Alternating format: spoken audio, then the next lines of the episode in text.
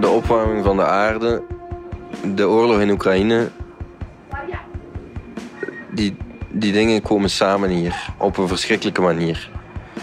In de horen van Afrika uh, blijven de regens uit. Het is het vierde regenseizoen in Somalië waar ik nu ben, waar bijna geen regen is gevallen. De droogte is verschrikkelijk. En hier in dit, in dit ziekenhuis zien we hoe dat, dat eruit ziet.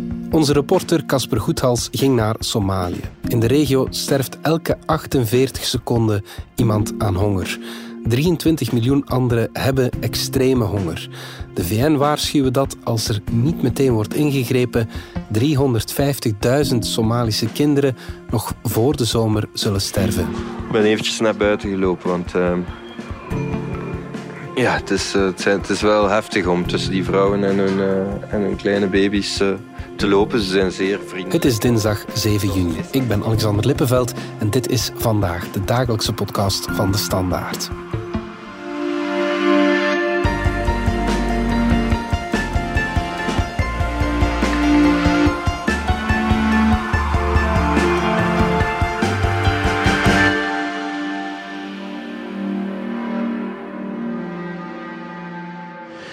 Maar, um, dan nog is het gewoon wel super, uh, ja, super heftig om die, om die kleine baby's te zien. En uh, het is een vraag die zich vanzelfsprekend opdringt, maar um, ja, de vraag is echt wat er met die kinderen gaat gebeuren. Die zijn, die zijn ter wereld gekomen in uh, een van de ergste droogtes in het noorden van Somalië. Wat je net hoorde, heb ik opgenomen toen ik even buiten liep uit het kinderziekenhuis van Buro, een uh, stadje in het noorden van Somalië, in Somaliland. En dat was een, een ziekenhuis met een twintigtal bedden waar uh, binnen uh, moeders zaten met hun kleine baby's vooral, die waren opgenomen omdat ze ondervoed waren. Dat was een, ja, je kunt het misschien nog horen, maar dat was wel een heftige ervaring, omdat die baby's soms er heel slecht aan toe zijn, heel zwak waren. En um, ja, je ziet dat aan hun. Uh, aan, aan hoe ze eruit zien. Ze zijn allemaal eigenlijk een te groot hoofd voor een lijfje, omdat ze zwaar ondervoed zijn. Er waren daar baby's van zeven maanden die minder dan vier kilo wogen. En ja, toen merkte ik dat ik even naar buiten moest lopen na verschillende gesprekken met die vrouwen over hun situatie.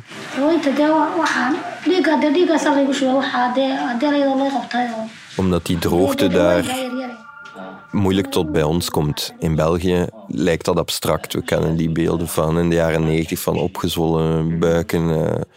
En ik voelde een groot onrecht toen ik dat daar zag omdat die kinderen nog maar geboren worden en al een enorme achterstand oplopen. Niet alleen maar omdat ze in Somalië geboren worden, in Somaliland, waar ze natuurlijk veel minder kansen hebben dan, dan, dan wij hier. Maar ook omdat ze nog geen jaar oud zijn en nu al worden binnengebracht in een ziekenhuis en zowel fysiek als mentaal een achterstand oplopen, gewoon omdat ze ondervoed zijn. Ik vond dat enorm stuitend om die baby's te zien, omdat er een aantal oorzaken zijn ook, waar die baby's natuurlijk niets aan kunnen doen. Niet alleen maar omdat ze zo klein zijn, maar ook gewoon omdat niemand in, in die regio daar iets aan kan doen. Die moeders kwamen uit, ja, uit de bush, zoals dat ze dat daar zeggen, uit, uh, uit het droge platteland van Somaliland. Sommige van hen waren tientallen kilometers gelopen. Anderen hadden al hun geld bij elkaar geschraapt om een lift te regelen, een taxi. En waren, waren daar terechtgekomen. En uh, ja, ik heb daar met artsen gesproken, die zien dat enorm toenemen ja, dan, dan betekent dat verscheurende keuzes voor die moeders, omdat ze vaak nog kinderen hebben, omdat ze geen geld hebben om, om dat transport te regelen. Ja, die arts zei ook van, kijk, wij zien hier een enorme toename nu van het aantal opnames. Het is verveelvoudigd. Iedere dag wordt het meer eigenlijk op dit moment. En ze gaan dat ziekenhuis waarschijnlijk moeten uitbouwen, zetten, tenten er rondzetten, eh, bedjes bij aanschuiven om te zorgen dat, dat, daar, ja, dat ze daar verder kunnen. Maar het is maar een fractie van wat dat daar aan de hand is. Omdat, zoals ik zeg, heel veel van die uh, moeders hebben het geld niet en de middelen niet om tot, uh, tot daar te geraken, moeten die keuzes maken. Soms lukt het gewoon niet om de andere kinderen achter te laten. En die arts zei ook, um, heel veel van de ondervoede kinderen krijgen wij nooit te zien.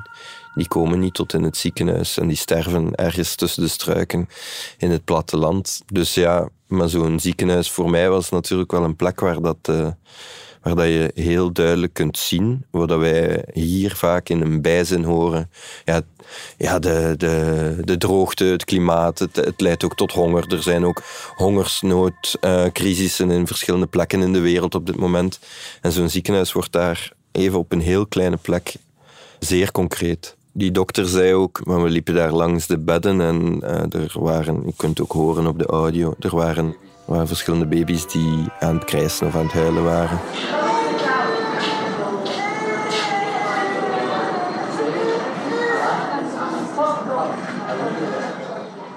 En zei, ja, dat is nog een, dat is nog een goed teken, want uh, als de baby's hier binnenkomen, dan kunnen ze vaak niet meer huilen.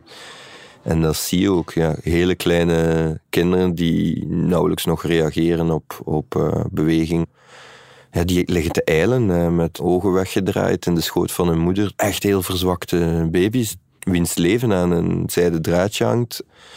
Als ze huilen, dan, dan gaat het al beter. Ja, ze lappen die baby's op daar. Het triestige, vertelt die arts, is dat we sommige baby's een paar maanden later opnieuw zien. Omdat de oorzaken van uh, dat probleem, daar kunnen, kunnen wij niets aan doen, zei die dokter. Die droogte, we kunnen het niet laten regenen ja, dat zijn druppels op een hete plaat om daar iets aan te doen. We hebben hier met verschillende van die vrouwen lange gesprekken gevoerd over hun leven. De meeste van hen zijn uh, naar hier gekomen uh, omdat, uh, omdat hun baby's ziek zijn, maar ook als gevolg van de enorme droogte. De, Het is um, een van de droogste periodes in de recente geschiedenis in de hele horen van Afrika. Toen ik met vliegtuig vanaf Ethiopië naar uh, Somaliland vloog, kon ik vanuit de lucht ook zien. Uh, alles was bruin en grijs en zwart.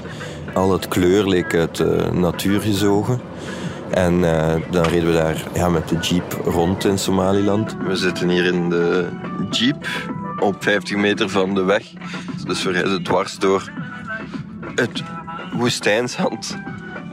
Echt door een rook van zand net voorbij Burro. En het is redelijk ongelooflijk om te zien dat zelfs hier... Wat je dan uit het raam ziet is een soort half woestijnachtig marslandschap waar her en der een tentje tussen staat van herders die daar wonen. 60% van de, van de bevolking daar in Somaliland is herder. Dan reden we daardoor, ziet um, struiken, dorre acaciabomen, termietenheuvels van, van vier meter hoog. Ja, een soort grote grindbak waar je doorrijdt. Je bent daar door aan het rijden en je denkt, dit is dus de klimaatverandering. Want op dit moment moet dat daar een groen landschap zijn. We rijden daar over lege rivierbeddingen waar dat alleen maar scherpe stenen en, en, en zand in liggen, terwijl dat dit het moment van het regenseizoen is. Reuters zei dat het wellicht het droogste regenseizoen is dat ooit gemeten is. De droogtes daar zijn deel van het leven. Al duizenden jaren wonen mensen daar semi-nomadisch, trekken ze met hun dieren rond. Het zijn heel geharde mensen, ze kunnen heel veel aan. Ik heb daar met mensen gesproken van die droogtes hebben meegemaakt in 1970. Dat is altijd zo geweest. Maar nu is er iets anders aan de hand. Door eh, de klimaatopwarming zijn er rare weersystemen op de Pacifische Oceaan die ervoor zorgen dat de regen er daar al uitvalt, waardoor het nauwelijks de horen van Afrika bereikt en dus de droogtes worden veel frequenter. En dat is problematisch omdat die bevolking daar het gewend is om na een harde droogte weer buffers op te bouwen. En dat betekent, buffers in uh, Somaliland, dat betekent geiten. Heel veel dieren. Dus in goede tijden breiden de kuddes uit van kamelen, geiten, koeien, schapen. En uh, in slechte tijden dunnen die weer uit. En omdat er zo vaak droogte is, dus die baby's in die ziekenhuizen, die uh, gaan wellicht vier, vijf, misschien zes keer zo vaak een droogtecrisis meemaken als mensen die 50 of 100 jaar geleden geboren zijn. En het gevolg daarvan is dat ze die kuddes niet kunnen uitbouwen. Waardoor dat de, als er droogte is, ze al op hun tandvlees zitten. En dat betekent dat er veel sneller honger is en veel sneller mensen sterven. Honderdduizenden mensen alleen al in Somalië, maar in de Hoorn van Afrika miljoenen mensen dreigen te sterven. Dat kunnen we ons bijna niet voorstellen. In 2011 zijn er 260.000 Somaliërs gestorven aan de droogte. En toen zei de internationale gemeenschap dit nooit opnieuw. In 2017 hebben ze zich er tegen kunnen wapenen toen de droogte kwam. En nu lijken we het weer vergeten. En de Verenigde Naties zeggen... Als er nu geen hulp komt, dan sterven voor de zomer nog 350.000 kinderen alleen al in Somalië. Salam alaikum.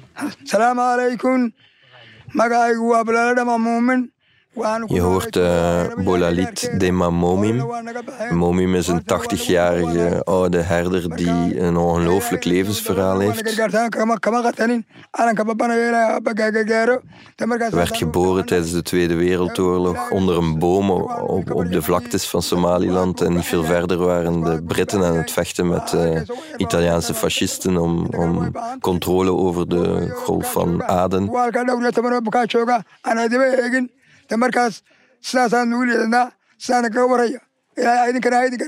En zo begon die man zijn leven daarna. Vertelde hij van ja, de Britse kolonisten kwamen vroeger nog onze kuddes plunderen en onze vrouwen verkrachten. Daar praat ik liever niet te veel over zitten. Het heeft lang geduurd voor ik weer blanke mannen kon vertrouwen, zei hij. Maar hij is 80, dus ondertussen kon ik met hem babbelen. En hij was een heel charmante man met oranje haren, met uh, henna gekleurd. Die vertelde over wat hij had meegemaakt in zijn leven. En daaruit blijkt ook een beetje die geschiedenis van de Horen van Afrika, waar in 1970 uh, heeft hij uh, ook een enorme droogte meegemaakt. Dat is die waar nu naar wordt verwezen als we zeggen het is de ergste in 50 jaar en de ergste in de recente geschiedenis, dan, dan moeten we terug tot dan. Maar de laatste tien jaar zie je die klimaatopwarming en die regelmatige droogtes een zwaar huishouden. En is zijn kudde van meer dan 100 dieren geslonken tot één vrouwtjeskameel en negen geiten die een neefje van hem hoedt uh, niet ver van waar hij nu is. En waar hij nu is, is een vluchtelingenkamp. Tienduizenden mensen trekken naar vluchtelingenkampen, klimaatvluchtelingenkampen zou je kunnen zeggen, want er is in Somaliland geen oorlog. Dus dat zijn mensen die ja, op zoek gaan naar een plek waar ze elkaar vinden, elkaar kunnen helpen en hopelijk ook geholpen worden. En ik heb een aantal van die kampen bezocht met Save the Children, een NGO die zich bezighoudt met uh, kinderrechten en kinderbescherming wereldwijd. En daar trof ik dus uh, Momim. Ja, dat is een, een barre plek. En daar wonen iets meer dan 12.000 tal mensen op een soort grote stenen vlakte waar tentjes stonden met daar rond uh, struiken die ze rond hun tentjes hangen om te zorgen dat de hyena's s'nachts niet binnenkomen en hun uh, kinderen komen opeten. Wat dat dus gebeurt. Ik heb daar gehoord dat de hyena's soms echt heel dichtbij komen en, en dat ze geluiden moeten maken om hen af te schrikken. Ik had aan een herder gevraagd hoe dat, dat klinkt. Can I ask you, can you make for me the sound that you make when you encounter hyenas? Can you do the shout? Ah, hier, hier, hier, Ah, hoi, hoi, hier. Hier, hier, hier, hier, hoi, hoi. And then the hyena just goes away? Then the hyena just goes away? Maar dat is dus de rudimentaire situatie daar. Hyena's die uw kinderen komen opeten op een, in een vluchtelingenkamp. En dat komt omdat daar niemand is om die mensen te beschermen. Er komt daar eigenlijk bijna geen enkele internationale organisatie. Save the Children deelt daar microkredieten uit om, om te zorgen dat sommige moeders voor hun kinderen eten kunnen kopen. Maar dat is, ja, dat is heel weinig. Ik zag daar verroeste platen van NGO's die vroeger kwamen. Ik zag daar nog een aantal waterputten. Verder eh, wordt er geen voedsel uitgedeeld. En ik, heb, ik heb dat nooit eerder meegemaakt. Ik heb in verschillende Afrikaanse en Europese vluchtelingenkampen bezocht. En dat zijn altijd hotspots voor NGO's. Er zitten altijd verschillende organisaties die bijna met elkaar concurreren om wie dat er welke dienst kan leveren. En daar is er niemand. I imagine you're sharing it, all of you. Waa la sisiiyaa soo maha Ah, we usually what we do is like we share rice and we share food. If one family gets something, yeah, is if one family gets one food, uh, they you know just call other. Iemand vertelde dat ze leeft van een zak rijst, van een kilo of zes, zeven, die haar gegeven is door de overheid bij het begin van de Ramadan. Ik zeg maar, de Ramadan is al meer dan een maand voorbij. Ja, die zak, daar leven wij al twee maanden op met zeven mensen. Soms eten we, soms eten we niet, zegt Momim. Does he eat every day? maalintii mise jar waad cuntaa ma ma ma baqdayn maanta ma baqdayn ma baqdayn maalintii mise jar waad cuntaa dee maalin mar qura Ah, ah, he, he- he told me that he, uh, he, he, he didn't eat anything even today. Zijn schoonzoon kwam hem een zakje dadels brengen. Want als hij eet, eet hij een dadel. Dat vertelde hij eh, later. Eerst zei hij van ja, vanavond ga ik eten. En dan later bleek dat dat betekent één dadel. What do you eat? taala timir yar Ah, timir yar baa taala yaa guri ku seebi ya yaa ku seebi ya yaa ku seebi Ya, ma- ma- soo- soo- yada inantaa ii iibisay he usually eat you know he has a, a date. He eat that one. Uh, uh, Voor een man van 80 die daarop leeft en eigenlijk vrij kwiek is. Die vertelde dan ook wat hij deed iedere dag. En hoe dat hij probeert te blijven bewegen. En, en, en die, hoe die man overleeft. Ik, ik, ik snap het eigenlijk niet. Maar hij zei ook van ja, ik, wil, ik wilde jullie eigenlijk geit en melk serveren. Maar dat gaat nu niet, want de droogte is te erg. En hij zei als het nu niet snel regent... Dan vrees ik dat het weer zoals 1970 wordt. How, how do you remember the 1970 drought? What was it like? abaar dheer seebaad maxaad ku xasuustaa abaartii eh, na- eh, daba dheer. Daba dheer oo kale maba jirinba hay daba dheer iyo tii dhaweyd isku mid bay ahaayeenoo daa waa aad bay huma aad bay u dheerahay he told me that they were moved from here to southern states of Somalia uh, for pasture and uh, to seek pasture and, and, Wow. and food. Toen is die Momim zijn vrouw en vier kinderen verloren, omdat er ook eh, twee jaar bijna eh, geen regen was gevallen. he did many people die in his family? uh, at that time yeah, at that time. ka dhimatay abaarta de- ya beriga abaarta daba dheer ciidamada idinkaga dhimatay haa hey shan carruur iyo hooyad baan iga iga dhintay shan carruur iyo hooyadood hey shan iyo hooyadood Hey. ku aasan maxay ku dhintay markaa uh, he lost due to that drought four of his children and his, and his and his uh, uh, wife, his uh, ex-wife. So he told me that uh, they had buried that children and, and is honderden kilometers naar het zuiden getrokken om op zoek naar gras met zijn laatste dieren. En daarna heeft hij zijn kudde weer aangesterkt en uitgebouwd tot honderden dieren. know, the government supported them that time. They uh, provided them support. Het moet nu beginnen regenen. Maar ehm, het moet niet alleen beginnen regenen, er moet ook hulp komen, want het is eigenlijk al te laat. Eh, als het nu regent, dan duurt het te lang voor de kuddes weer aangesterkt zijn om de bevolking te voeden. De afwezigheid van de internationale gemeenschap heeft alles te maken met de oorlog in Oekraïne. Er waren plannen om Somalië te helpen, om de hele horen van Afrika te helpen met voedselbedelingen en, en waterdistributie. En die zijn opgeborgen na de invasie van Rusland in Oekraïne. Omdat de hele wereld daar naar eh, ging kijken. En twee jaar geleden was 80% van de nood van Somalië gefinancierd. Wat dat betekent dat ze in grote lijnen kunnen doen wat dat het minimum is. En op dit moment is maar 18% van de nood gefinancierd, terwijl de nood veel hoger is. En dus in absolute cijfers is er een daling van het geld dat er naartoe gaat op het moment dat het probleem enorm is toegenomen. Bovendien zorgt de oorlog voor toegenomen prijzen. Dat merken wij hier, maar dat merken zij daar natuurlijk ook. In Somalië is 90% van het graan afkomstig uit uh, Oekraïne en Rusland. En dat is er nu niet meer. Want de Zwarte Zee, de havens van Odessa in Oekraïne, die zijn geblokkeerd door de Russen. En het graan raakt het land niet uit. Uh, miljoenen tonnen graan zijn aan het rotten in de silo's in Oekraïne, uh, waardoor de, het aanbod krimpt. In andere graanproducerende landen zorgt klimaat en de hitte voor minder oogst. Dus de wereldwijde graancrisis zorgt ervoor dat die prijs enorm stijgt, waardoor minder geld moet gebruikt worden om nog minder graan te kopen, omdat het gewoon duurder is. En dat betekent een brood op de markt uh, dat onbetaalbaar wordt. Dat betekent een fles zonnebloemolie die onbetaalbaar wordt. Bij ons wordt onze winkelkar duurder. Daar wordt het leven onbetaalbaar. Overleven wordt bijna onbetaalbaar. Het is tien na zeven. Het is al uh, pikdonker. Het is volle maan. En ik zit in het hotel. Uh, ik sta buiten mijn kamer. Uh, en eventjes aan het nadenken over wat ik allemaal heb gehoord en gezien. Want uh, het waren wel heel heftige getuigenissen. En die gesprekken met die vrouwen, met die babytjes daar in hun schoot, uh, waren wel zeer aangrijpend. Vooral omdat het concreet maakt wat, dat, wat dat je in al de brochures hoort over, van NGO's.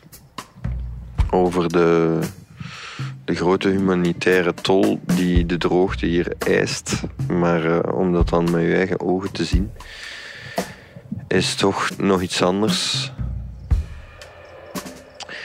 Ik weet nog niet helemaal hoe, dat, uh, hoe dat ik dat verhaal uh, ga opschrijven dat overbrengt wat, dat, wat dat je voelt als je naar die mensen luistert. Want het is echt um, heel aangrijpend. De meeste bewoners van Somaliland hebben geen smartphone, hebben geen internet en hebben geen besef wat dat de oorzaken zijn van uh, wat hen aan het overkomen is. Als je hen vraagt van hoe komt dat toch al die toegenomen droogtes, dan is heel duidelijk dat ze dan natuurlijk wel weten dat er steeds vaker droogte is en dat er honger is. En het antwoord op de waarom-vraag is: uh, het is een test van God. Allah plaatst ons voor een beproeving. We weten ook niet waarom. Voor ons is dat als uh, atheïstische westerlingen is dat moeilijk te begrijpen soms, maar uh, toch is er een groot vertrouwen in God. Als je al die landen samenneemt, Kenia, Somalië, Ethiopië, Sudaan, die stoten ongeveer 0,8% van de CO2 wereldwijd uit. Maar het is wel CO2, menselijke uitstoot, die leidt tot die opwarming van de aarde en die toegenomen droogtes. Maar er is ook een soort hele zelfredzame houding, ondanks de situatie, die mij echt ontroerd heeft. Ik heb in verschillende gesprekken gezeten die zeiden van ja, maar we willen eigenlijk niets. We zouden liever gewoon van onszelf afhankelijk zijn en niet van anderen. Misschien moeten we het wel zelf oplossen. Er was ook geen bedelstafmentaliteit. Ja, wat dan bijna onbegrijpelijk is natuurlijk, want ze hebben echt te weinig. Ze moeten geholpen worden, want ze hebben het geld gewoon niet om te zorgen dat er water tot in die afgelegen gebieden komt en om te voorkomen dat hun kinderen sterven. En ze hebben er zelf ook de verantwoordelijkheid niet voor, voor de oorlog in Oekraïne of voor de opwarming van de aarde. And how is the treatment here? Halkan sidee lagugu shaqeeyay daweynta iyo. Daweynta daweynta dee waxaan dhiigga dee dhiiggaasa laygu shuba waxaa dee dee layadoo loo qabtay oo dee dee dawooyinka yaryare dee nalagu manuudayo bahalka dhiig joojinta okay so she, she gets uh, good medication here but the ability of the MCH is still very low. Mm. that means they can only provide the basic uh, medication services. Als je daar in een okay ziekenhuisje staat, dan is de neiging snel om, om te denken: deze situatie is uitzichtloos. Die baby's beginnen nog maar aan het leven en het klimaat warmt supersnel op op dit moment. Maar toch zit er een enorm moreel appel in hun situatie. En is, eigenlijk, uh, is het eigenlijk heel duidelijk wat dat er moet gebeuren op dit moment. Er moet geld komen voor de horen van Afrika. Dat is een zeer simpele vaststelling. De hongersnood kan vermeden worden met noodhulp. Dus op korte termijn is de opdracht zeer duidelijk. Er moet gewoon geld naar, uh, naar de regio. Uh, de Verenigde Naties hebben daar zeer concrete cijfers over. Er uh, moet nu 4,4 miljard dollar naar Somalië om te voorkomen dat die hongersnood 350.000 kinderen doodt om het dat even in perspectief te plaatsen, twee weken geleden heeft het Amerikaanse congres 40 miljard, tien keer zoveel, goedgekeurd voor Oekraïne alleen. Dus de internationale gemeenschap kan dat soort bedragen wel ophoesten. Op langere termijn gaat het over duurzame projecten uitbouwen en kijken hoe de bevolking van Somaliland kan overleven in een steeds warmere planeet. En dat betekent uh, duurzamere projecten rond watermanagement en ook rond puur demografische vragen. Uh, moeten die mensen naar de stad? Moeten die mensen naar andere landen? Dat stelt ons voor de grote vraagstukken van de komende decennia rond migratie en, en verdeling van rijkdom. Maar op korte termijn is het niet zo ingewikkeld. Er moet geld naar Somaliland. Dit was vandaag de dagelijkse podcast van De Standaard. Bedankt voor het luisteren. Download onze app DS Podcast of volg ons op Spotify, Apple Podcast of eender welk ander podcastplatform. Alle credits van de podcast die je net hoorde vind je op standaard.be-podcast. Reageren kan via podcast.standaard.be. Morgen zijn we opnieuw.